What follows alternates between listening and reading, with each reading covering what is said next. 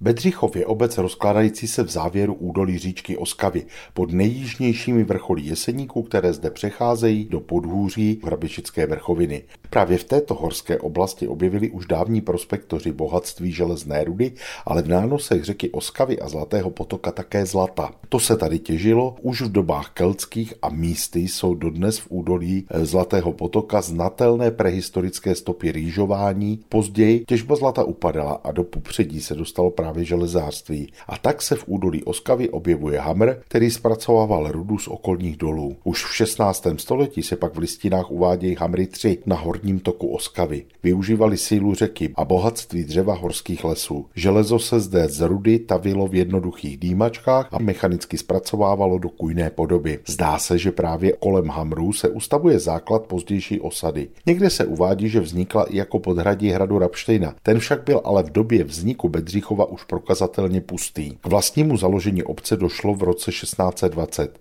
Název je odvozen od osobního jména majitele janovického panství Wolfganga Friedricha Hoffmana z Grimbichlu. Pod zprávou janovické vrchnosti pak obec zůstala až do konce patrimoniální zprávy. Osada Derfl, dnes Véska, stávala na pasekách nad pravým břehem řeky. Vzniká kolem roku 1660. Kromě toho pak ještě k obci patřila myslivna pod hradem Rapštejnem, která dodnes stojí a slouží jako penzion. Pokusy o obnovení dolování zlata a stříbra končily neúspěchem. Naposledy tak byla opuštěna štola naděje v roce 1773. Od roku 1788 byly už zlaté doly zcela pusté a ve stejné době se přestává těžit i železná ruda. V roce 1848 byl pak Hammer přestavěn na pilu a další z Hammerů na stroj jednu, která zde pracovala až do druhé světové války jako výrobna motorů vídeňské firmy Gerharda Adama. Mimochodem právě zde vznikl první rakouský obrovský letecký motor a vyráběly se tady chvíli třeba i nákladní automobily. Po válce byla strojírna znárodněna, existovala až do 90. let,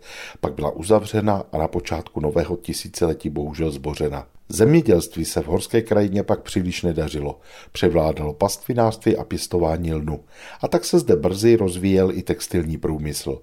Zdrojem obživy byla i práce v lesích a zpracování dřeva. Obec v úzkém sevřeném údolí často ničili povodně. V dějinách vesnice jich zaznamenáno hned několik. V roce 1790 zde žilo 509 obyvatel v 87 domech. Kolem roku 1880 je zde uváděno ve sčítacích operátech 98 domů s 807 obyvateli. Většina místních lidí mluvila německy.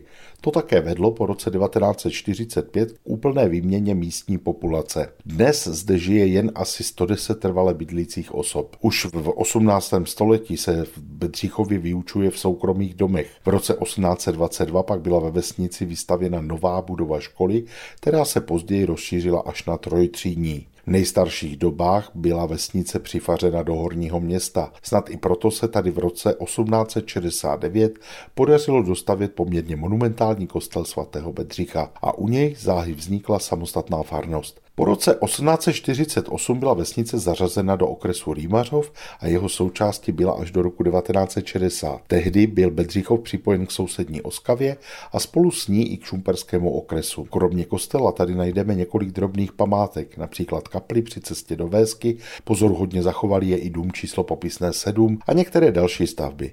Za návštěvu stojí samozřejmě i zřícení na hradu Rapštejna. Zajímavé je také skalní bradlo na vrcholu Rapštejna a obec má vůbec krásné krásné okolí. Pohlednici z kraje mezi Pradědem Hanou, tentokrát z Bedřichova, vám po vlnách Českého rozhlasu Olomouc poslal Mirek Kobza.